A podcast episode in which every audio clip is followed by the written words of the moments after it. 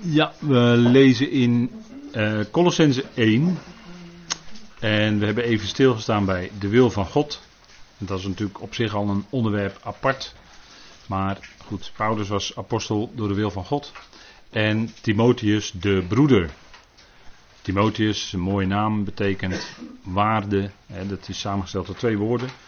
Time, dat betekent waarde. En God, Theos, hè, Theos, Theos, waarde. God, dus waardevol. Voor God zou je kunnen zeggen, maar. Naar mij, onze jongste zoon deed zo. Die, ja. ja. Uh, uh, toen kregen wij van uh, Godvererend. Godvererend. Godvererend, ja. ja.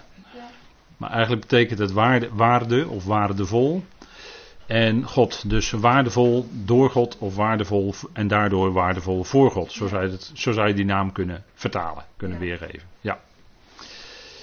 En hij is de broeder. Timotheus de broeder. En daarmee geeft Paulus aan dat het iemand is die een trouwe medewerker van hem was.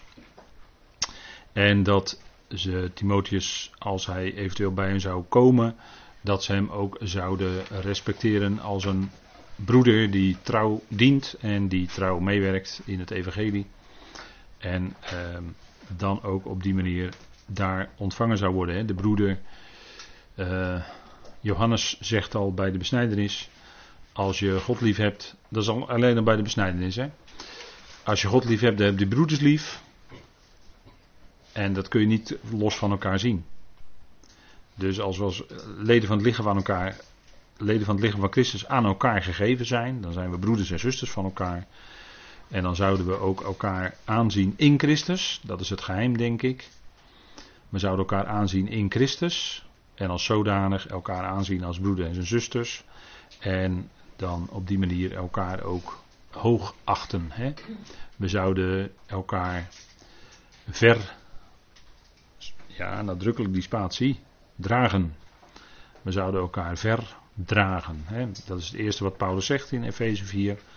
Dat we de eenheid van de geest zouden bewaren met de band van de vrede. Maar daarvoor zegt hij. Uh, waar het mee begint als het gaat om onze wandel op basis van de waarheid van vandaag. Efeze 4, vers 1. Waardig te wandelen vanwege de roeping waarmee jullie werden geroepen. En dan komt het met alle ootmoedige gezindheid. Dat is het eerste wat hij zegt in de waardige wandel. Met alle ootmoedige gezindheid, wat breed uitgemeten wordt in de Filippenzenbrief. En zachtmoedigheid. Met geduld. Want het is vaak moeilijk tussen broeders en zusters. Er zijn vaak dingen hè, tussen broeders en zusters. Dingetjes, ik ga heel voorzichtig zeggen. Dingetjes zijn er soms tussen broeders en zusters. En dan zouden we met geduld elkaar verdragend in liefde. En dat verdragen kun je ook alleen maar doen in de liefde van God. Die is in je hart uitgegoten. En als die in je werkt, dan kun je ook die ander met geduld heel ver dragen. Want je trekt als broeders en zusters soms 30, 40, 50 jaar met elkaar op. En dan uh, ga je elkaar goed kennen, laat ik het zo maar zeggen. En dan wordt het wel eens lastig. Maar daarom zegt Paulus ook dit. Hè? En je beijverend, dat is ook een uh, hele belangrijke. Je beijverend de eenheid van de geest. Want die is er met alle gelovigen. Daar gaan we vanuit. De eenheid van de geest te bewaren in de band van de vrede. En de vrede, daar zit onder natuurlijk die verzoening hè, van Efeze 2. In Efeze 2 klinkt het elke keer vrede, vrede, vrede. In Efeze 2 klinkt verzoening, verzoening. En zo zouden we elkaar aanzien en vanuit de verzoening met elkaar leven. En daarom zei ik daarnet in het eerste deel, als iemand weggegaan is van de genade en hij komt erbij terug, wat is dan ons ontvangst? Die is in de genade. En dat is natuurlijk ook in de verzoening. We zijn verzoend met elkaar en dus is het vrede. We zouden de vrede bewaren met alle, alle mensen in zonderheid met de gelovigen. En dat, is, dat heeft alles te maken met de verzoening die we ontvangen hebben. We zijn verzoend. We zijn verzoend met God, door God en daardoor ook met elkaar. Eerst verticaal, nadrukkelijk eerst verticaal. Dus met God, eerst dat lijntje met God en van daaruit ook horizontaal met die ander. Van daaruit kun je ook met die ander omgaan. Je moet het niet omdraaien, want dan kom je in humanisme terecht. En vandaar dat humanisme in deze tijd een hele sterke stroming is. Maar dat is allemaal van mens tot mens. En dan, dan is er eigenlijk, dan heb je in feite uh, niks. Dan is het allemaal heel lief en aardig en leuk en uh, soms gezellig en soms wat minder gezellig. Maar het is allemaal humanistisch, dat is zonder God. En, uh, en het gaat er juist om dat we vanuit die geweldige verzoening die we ontvangen hebben, en dat kostte de dood van de zoon, dat is niet goedkoop, dat kostte de dood van de zoon, zijn we verzoend en vanuit die verzoening leven met elkaar. En dan kun je ook verder. Dan kun je elkaar ook verdragen. En dan gaat Paulus natuurlijk verder in Efeze 4, hè, maar dat is dan weer een andere brief. Dus we gaan weer terug naar Colossense. Timotheus, de broeder, als uh, voorbeeld voor de medegelovigen. Timotheus was een voorbeeld geworden in wandel, in uh, dienst en in ijver. En hij volgde Paulus na. Dus Timotheus is ook wel iemand om naar te kijken. Hoe die Paulus navolgde als voorbeeld. Hè, wordt hij ook genoemd in Filippenzen. Dus Timotheus was een bijzondere. Aan wie Paulus ook zijn latere, later zijn bediening overdroeg zelfs. En de foto die u bij ziet is het theater in Colosse. Wat, dat is dan nog een van de overblijfselen van Colossen. Dat was daar een theater. Hè. Dan kon je in de open lucht spreken, zoals het gebouwd. Als je dan onderaan staat en je spreekt, dan kunnen alle mensen die daar op die, die rij zo omhoog gaan zitten, kunnen het goed horen. En misschien heeft Paulus daar ook wel zo gesproken. Dus dan toch wel een bijzondere plek. En wij als gelovigen zijn overigens ook een schouwspel. Hè. Dat woord theater wordt dan gebruikt. Wij zijn een schouwspel voor de boodschappers en voor de machten. Die kunnen wij niet zien, maar die zien ons wel. En daar hebben we ook last van bij tijd en gelegenheid. Hè? Via bloed en vlees komen er allerlei dingen op ons af. die machten werken via mensen. Bij gelegenheid werken ze via broeders en zusters. En willen ze ons treffen. Dat zijn de aanvallen van rechts. Van buitenaf, als ze ons aanvallen, en even niet zitten, dat is van links. Maar als het van binnenuit komt, dan is het een aanval van rechts. Dan zijn het je medebroeders en zusters die dan op de man spelen, niet de bal. dat gebeurt allemaal. En dat zijn moeilijke dingen.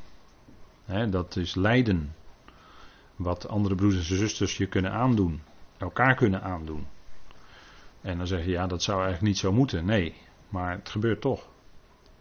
En laten we zelf ons in acht nemen dat niet ook wij eventueel zelfs door bij gelegenheid door zo'n macht, om het zo maar te zeggen, gebruikt kunnen worden om anderen te treffen. Dat je boos bent op iemand anders, dat je, om, om wat die ander gedaan heeft. En dat je daardoor uh, heel scherp naar iemand toe reageert en dan woorden zegt. En kijk, woorden, woorden die kun je nooit meer terugnemen. Hè. Die zijn gezegd. En die kunnen pijn doen en jaren later kunnen ze nog pijn doen. Hè. Als je iemand letterlijk een tik geeft met je hand, dat ben je misschien na een paar weken vergeten. Maar woorden, die kunnen iemand diep treffen. En dat is, waar, dat is de manier waardoor geestelijke machten ook broeders en zusters elkaar laten bestoken. En, en dat zijn hele moeilijke dingen hoor. En dan is het altijd de tegenwerker, is het meest actief onder de gelovigen. Kijk, als er uh, ergens duizend mensen zijn en er zijn 50 gelovigen, dan laat die tegenwerker, die laat die 950 laat die links liggen, want die heeft hij al in zijn macht, hè, min of meer. Maar die 50 gelovigen, daar gaat hij tussen zitten vroeten. Daar gaat hij, daar gaat hij onrust maken, daar gaat hij tegenstellingen creëren, daar gaat hij dingen tegenover, mensen tegenover elkaar zetten. Dat, dat, is het, dat is de hoofdwerk van de tegenstander in deze tijd. Gelovigen tegen elkaar uitspelen. Daarom zei Paulus ook tegen de oudsten in Mileten uit Efeze, zei hij, er zullen jullie, van binnenuit zullen ze komen. En, en dan, dat is het moeilijkst, want dan komen de aanvallen van rechts. dat is, dat is uh, wat ondergeloven. En dat is, die, dat is die, wat wij dan zeggen, die geestelijke strijd. Maar Paulus gebruikt eigenlijk het woord oorlog. Oorlog. Gebruikt in het Grieks het woord stratuo. En dat moet je vertalen met oorlogvoering. Het is niet zomaar wat, we zijn in oorlog. Die tegenstander ziet die gemeente helemaal niet zitten, want die gaat hem straks eruit kieperen. En daarom is die geestelijke druk in onze tijd zo groot. En moet alles wat met God te maken heeft, moet uit het openbare leven geweerd worden. En alles moet vrij worden. Iedereen moet straks ook vrij kunnen beschikken om een einde te maken aan zijn leven, zijn of haar leven. mevrouw Dijkstra van D66 maakt zich daar weer heel sterk voor nu. Ze roert de tamtam weer in de, in de pers. Ja. Kijk, en dat is alles moet vrij, hè? Abortus. We, ik weet niet hoeveel abortussen per, per, per dag in de wereld gepleegd worden. Het is verschrikkelijk. de dood. Het is de cultuur van de dood. En aan het einde van het leven ook, hè, moeten mensen steeds eerder en steeds makkelijker kunnen beschikken om een einde te maken aan hun leven. Dan kun je zien dat de tegenstander volop aan het werk is. Alles moet liberaal, alles moet vrij. Ja, ja. Het punt is dat, dat die dingen zouden we goed signaleren. Hè? En daar zouden we, daardoor beseffen we ook dat de geestelijke druk die neemt alleen maar hand over hand toe. En, en dat zijn dingen die uh, duidelijk maken dat we echt tegen die allerlaatste fase aan zitten of al middenin zitten, vlak voor de bazuin. En hoe lang het duurt weten we natuurlijk niet. We zijn daar niet overspannen in onze verwachting. Maar we kijken wel uit. Elke dag. Elke dag kan het gebeuren, ja. Dus die druk wordt alleen maar, zal alleen maar groter worden. Nou, Paulus richt zijn brief aan de heiligen en gelovige broeders in Christus te Kolossen. Dat zei ik er net al, heel even gaf ik dat aan. Hè. De andere broeder of zuster die zien we aan in Christus. We kennen in feite niemand meer naar het vlees. Sinds, 2 Korinthe, sinds die boodschap van 2 Korinthe hebben verstaan, kennen wij niemand meer naar het vlees, want we zijn ons bewust, in Christus zijn we een nieuwe schepping. Geestelijk gezien horen we al helemaal bij die nieuwe schepping. We hebben het einde van de Ionen al bereikt. En uh, van daaruit kijk, kunnen we leren zien naar die ander. En dan heb ik het, kom ik weer. Dat is dat andere perspectief waarmee je kijkt. Die andere, die verlichte ogen van het hart waarmee je kijkt. En dat is heel belangrijk, want dat geeft je een geweldig middel. Hè, als je ander kunt, anders kunt kijken naar iemand, geef je dat een geweldig middel om met die ander dan ook vrede te kunnen bewaren en voor die ander te kunnen bidden. Ik denk dat dat heel belangrijk is. Als je het moeilijk hebt met, moeilijk hebt met iemand anders, Bid dan voor die ander. Want het gebed gaat dan jou veranderen. Die ander verandert misschien helemaal niet in jouw ogen. Maar door het gebed voor die ander verander jij. En dan, dan heb je eigenlijk het geheim in handen, zou je kunnen zeggen.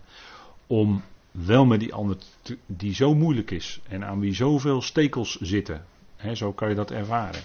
Of zo stekelig misschien kan reageren in jouw oren. Maar dan kan je toch met die ander blijven omgaan. Dat is de liefde. De ander aanzien in Christus. Die ander is ook een nieuwe schepping. Dat geeft een heel ander perspectief. Dan zie je elkaar niet langer aan naar het vlees, maar naar de geest. Belangrijk punt hoor. En we zijn heiligen, we zijn heiligen, we zijn apart gezet. En zegt u, ja, nou, die broeders, zusters, nou, dat is geen heilig boontje hoor. Nee, zeker niet, maar in Gods ogen wel. Toch apart gezet, toch wel. Want heilig heeft helemaal niks te maken met zonderloosheid. dat, ik, ik, zeg het vaak bij het woord heilig. We zijn apart gezet, net zoals de voorwerpen in de tabernakel en in de tempel. Die waren ook heilig. Nou, een altaar, dat kon zich niet gedragen. Of een, eh, een kandelaar kon zich niet gedragen, die stond daar gewoon. En die werd olijfolie ingedaan, die werd aangestoken. Maar die kandelaar zelf, die deed verder niks. Er was geen mens, er was gewoon een kandelaar. Maar die was wel heilig. Want apart gezet voor de dienst aan God. En dat zijn ook wij. En op die manier zijn we geheiligden. En de Heer heiligt en reinigt de gemeente. Die zorgt dat die, hè, die priesters moesten verzorgen dat die gouden kandelaar bleef blinken. En die moeten oppoetsen en zo. En, nou, de Heer heiligt en reinigt de gemeente. Hoe? Door het waterbad van het woord. Hij reinigt door het woord. Daarom is het goed om naar het woord te horen, want het heeft een reinigende werking.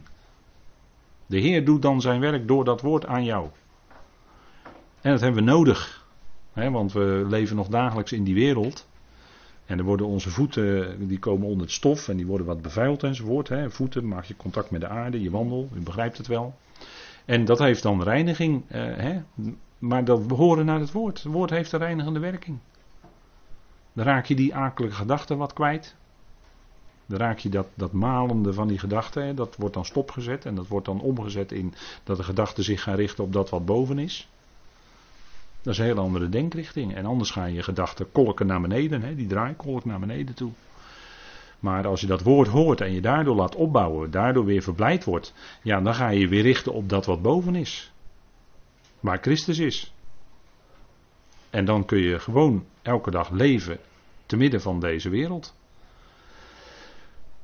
Punt is dat die rots, die foto, een grote rotsblok, dat kon die persoon natuurlijk helemaal niet wegduwen. Kijk, dat vind ik eigenlijk een mooi beeld van de onbewegelijkheid van Christus. Christus is de rots, hè? De steen of de rots in de Bijbel is altijd een type van Christus op een of andere manier. En die is gewoon niet van zijn plek te krijgen. Christus is onze vastheid. Alles in de wereld, dat verandert per dag. Ik geef wel eens het voorbeeld van de mode. De mode is het ene maand zo en de volgende maand is het weer heel anders. In de zomer heb je weer een heel ander modebeeld dan in de herfst. En als je een herfst verder bent, dan heb je weer een heel ander modebeeld. Ja, dan zegt hij, ja, ze moeten altijd aan ons verdienen. Dat is ook zo. Maar het is wel steeds verandering. Het is steeds. En dat is ook het, het, de buitenkant van deze wereld, die is voortdurend aan verandering onderhevig. Er staat nooit stil, het is altijd weer anders. En wat er vandaag is, is over een jaar weer, tot, ziet het plaatje in de wereld er weer totaal anders uit. Allemaal veranderingen. Maar wat vast is, is die rots, dat is Christus. Dat is de vastheid in je leven. Daar kun je op staan, daar kun je op bouwen. En de redding in hem is ook onveranderlijk. De, de redding heb je ontvangen, dat neemt God nooit meer weg. Dat blijft, dat blijft gewoon staan, die redding.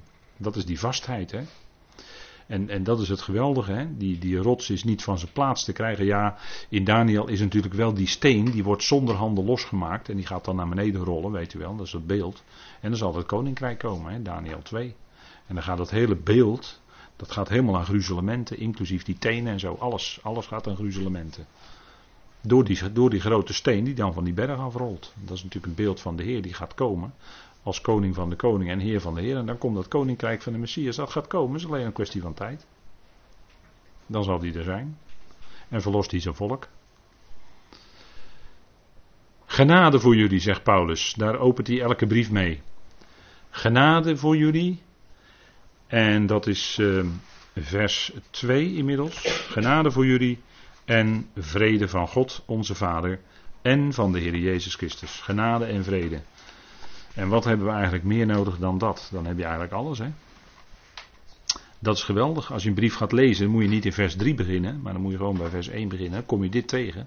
Genade en vrede voor jullie van God onze Vader en van de Heer Jezus Christus. Dat is de blijdschap van de apostel Paulus. En daarom begint hij steeds met genade. Genade is die onverdiende gunst. Hè?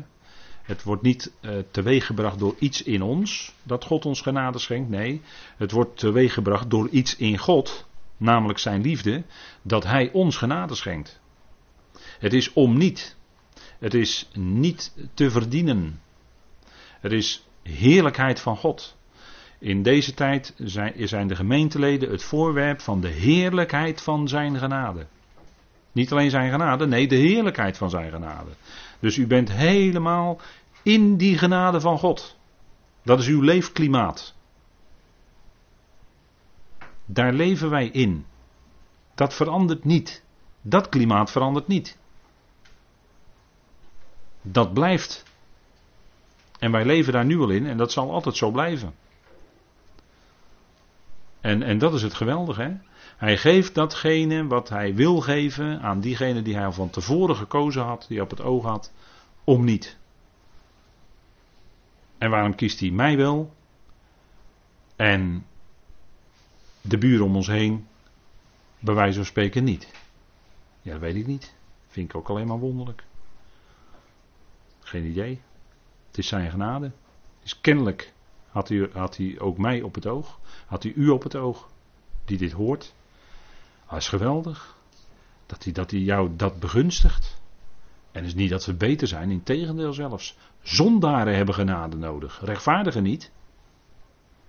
Zondaren. En als een zondaar op zondag in de samenkomst komt en u weet dat hij een bepaald gedrag heeft, nou dan moet hij vooraan zitten, moet de evangelie horen van genade. Daar hoort hij dan te zitten.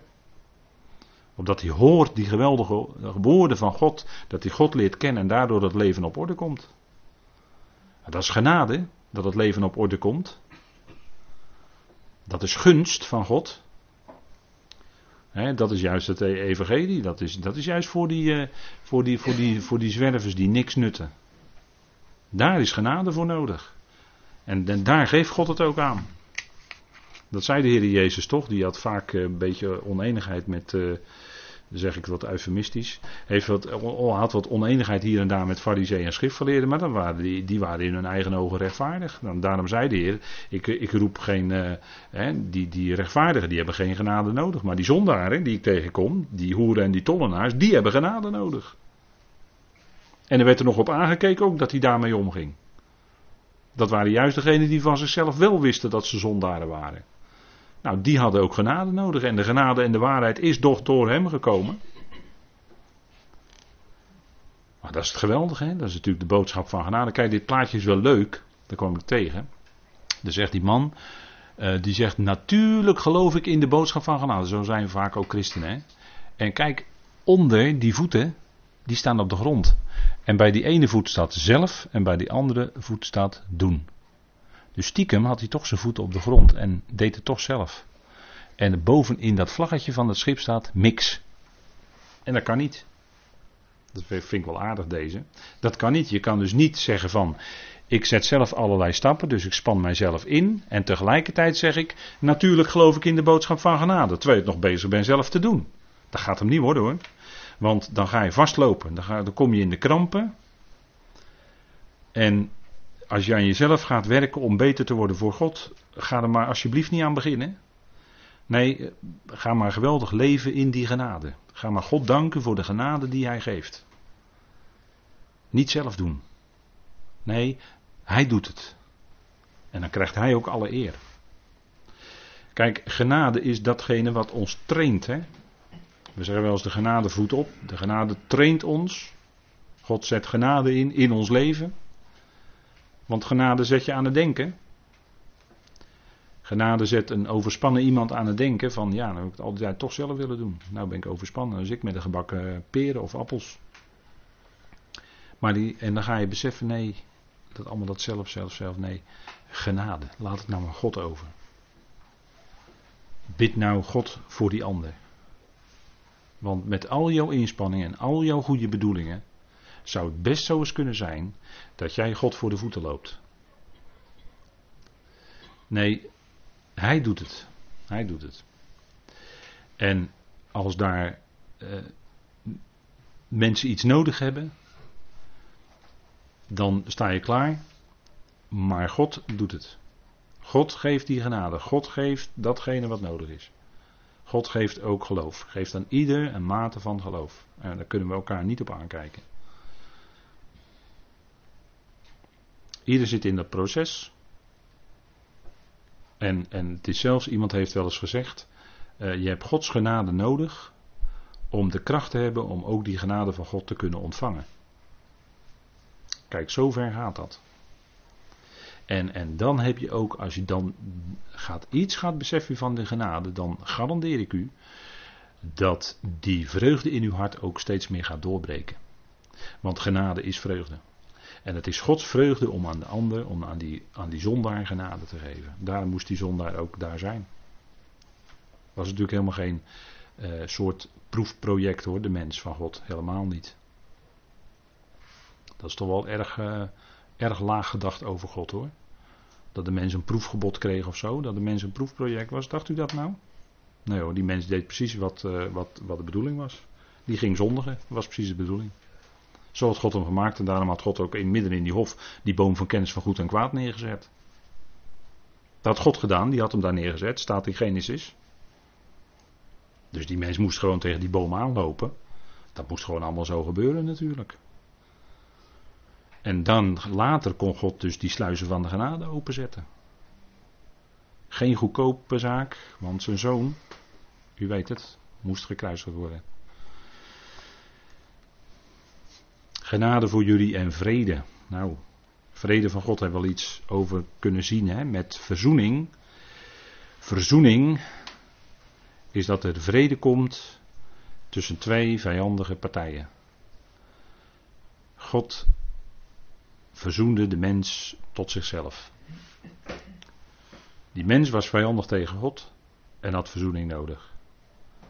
En God beantwoordde de vijandschap van de mens met opstanding uit de doden. Toen zijn zoon gekruisigd was, een uiting van enorme vijandschap tegen God. Zijn zoon gekruisigd, zijn geliefde zoon zelfs. Zijn eigen geliefde zoon, zegt Romeinen 8. Hij heeft zelfs zijn eigen zoon niet gespaard. Wat een liefde. Daar is het bewezen, hè? God stond daarbij.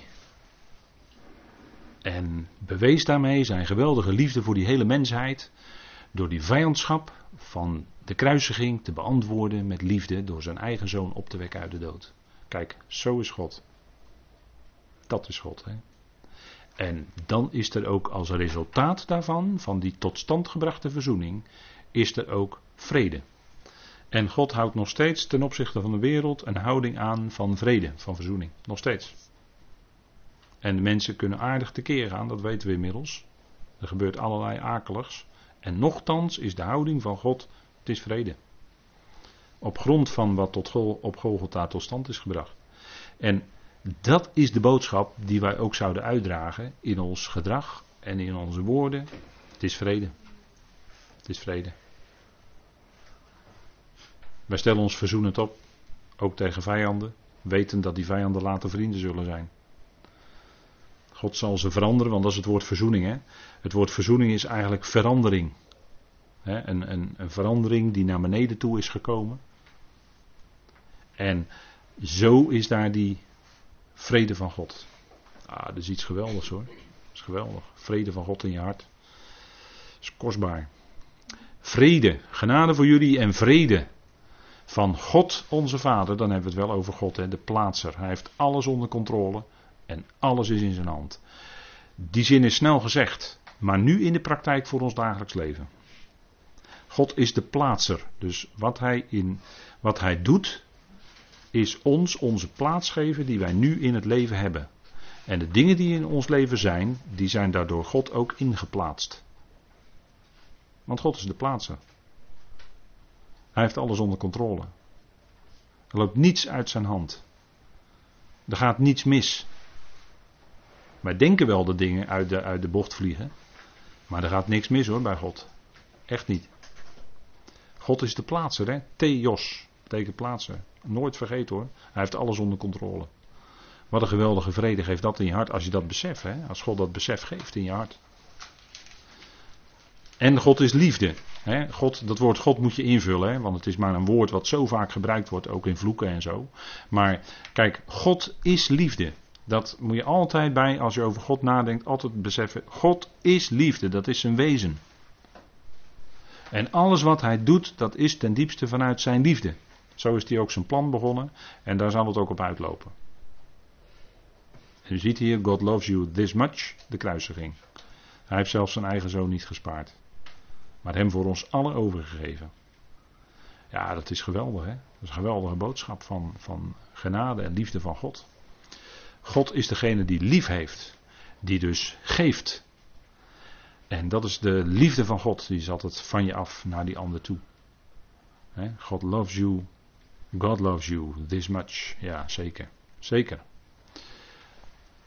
En God is licht. God is licht. Dat is geweldig, hè? als het licht doorbreekt. Als het ochtends licht wordt. Afgelopen weekend heb ik deze foto genomen. Bij zonsopgang. En God is licht. En dat wil zeggen, hij laat zijn lichtstralen in je hart doordringen. laat zijn lichtstralen in je hart doordringen. En dan, wordt ineens, dan ga je het ineens zien hoe het werkelijk is. Iemand die in duisternis is, die stoot zich aan alles, want die weet niet waar die is, die weet niet waar die vandaan komt en waar die naartoe gaat. Maar als het licht van God doorbreekt in je hart, dan weet je waar je vandaan komt en dan weet je ook waar je toe gaat, naartoe gaat. En dan zie je alles echt zoals het is. Als licht erop valt, hè? Als, als je in een donkere kamer bent, dan weet je niet uh, waar, waar, die stoel staat of hoe die stoel eruit ziet. Maar doe het licht aan, dan weet je hoe het er allemaal uitziet. En dat is geestelijk nog veel, veel beter en veel sterker natuurlijk. Dat licht van God, van de heerlijkheid van Christus, is in je hart gaan schijnen. En dan zie je hoe het zit. Dan heb je het juiste perspectief. Het juiste zicht. En dat is zoveel waard in je, in je beleving, in je omgang met anderen, in je, in je zijn. Dat is zoveel waard. Dat je daarmee rekent, hè, met die geestelijke waarden van het evangelie. God is goed. God is goed. En dat wordt natuurlijk door heel veel mensen direct in twijfel getrokken. Moet je eens kijken wat er allemaal gebeurt in de wereld. Is dat nou een God die liefde is? En is dat nou een God die goed is? Ja, maar wacht even. De mens is in staat om de andere mens heel wat aan te doen hoor. Kan je niet zomaar even heel makkelijk op God afschuiven. Maar God is goed en hij zal het kwaad als het zijn functie heeft gehad. Want hij heeft wel degelijk van Gods wegen een functie in zijn plan. Maar hij zal het kwaad verdrijven. Zolang het kwaad er nog is, is het plan nog niet af. Het is pas helemaal voltooid als het kwaad weg is en dan komt het ook nooit meer terug. Dan heeft het zijn functie gehad. Hij verdrijft het kwaad. Dat is ook het werk van God, hè? het werk wat God doet. Dan gaat die duisternis weg, gaat wijken. God is vader, hè? God onze vader. Hij is vader. Hij verwekt in ons nieuw leven. En dan zijn we zijn kinderen, dat zijn we ons bewust. En hij werkt nieuw leven in ons. Hoe? Door zijn woord en door zijn geest, dat gaat samen. En hij geeft tegelijkertijd wat nodig is. En dat is denk ik een goede afsluiter voor vandaag. God is je vader. Je kunt altijd bij hem terecht. Dat is vertrouwd. Dat is goed. Hij kent je door en door. Je mag altijd in zijn armen vallen. Als het moeilijk is. En hij werkt in je dat nieuwe leven uit door zijn geest. Dat is de belofte en dat doet hij ook. En zo is hij je vader. Hè? Geweldig dat hij dat alles doet. Tot zover voor vanavond.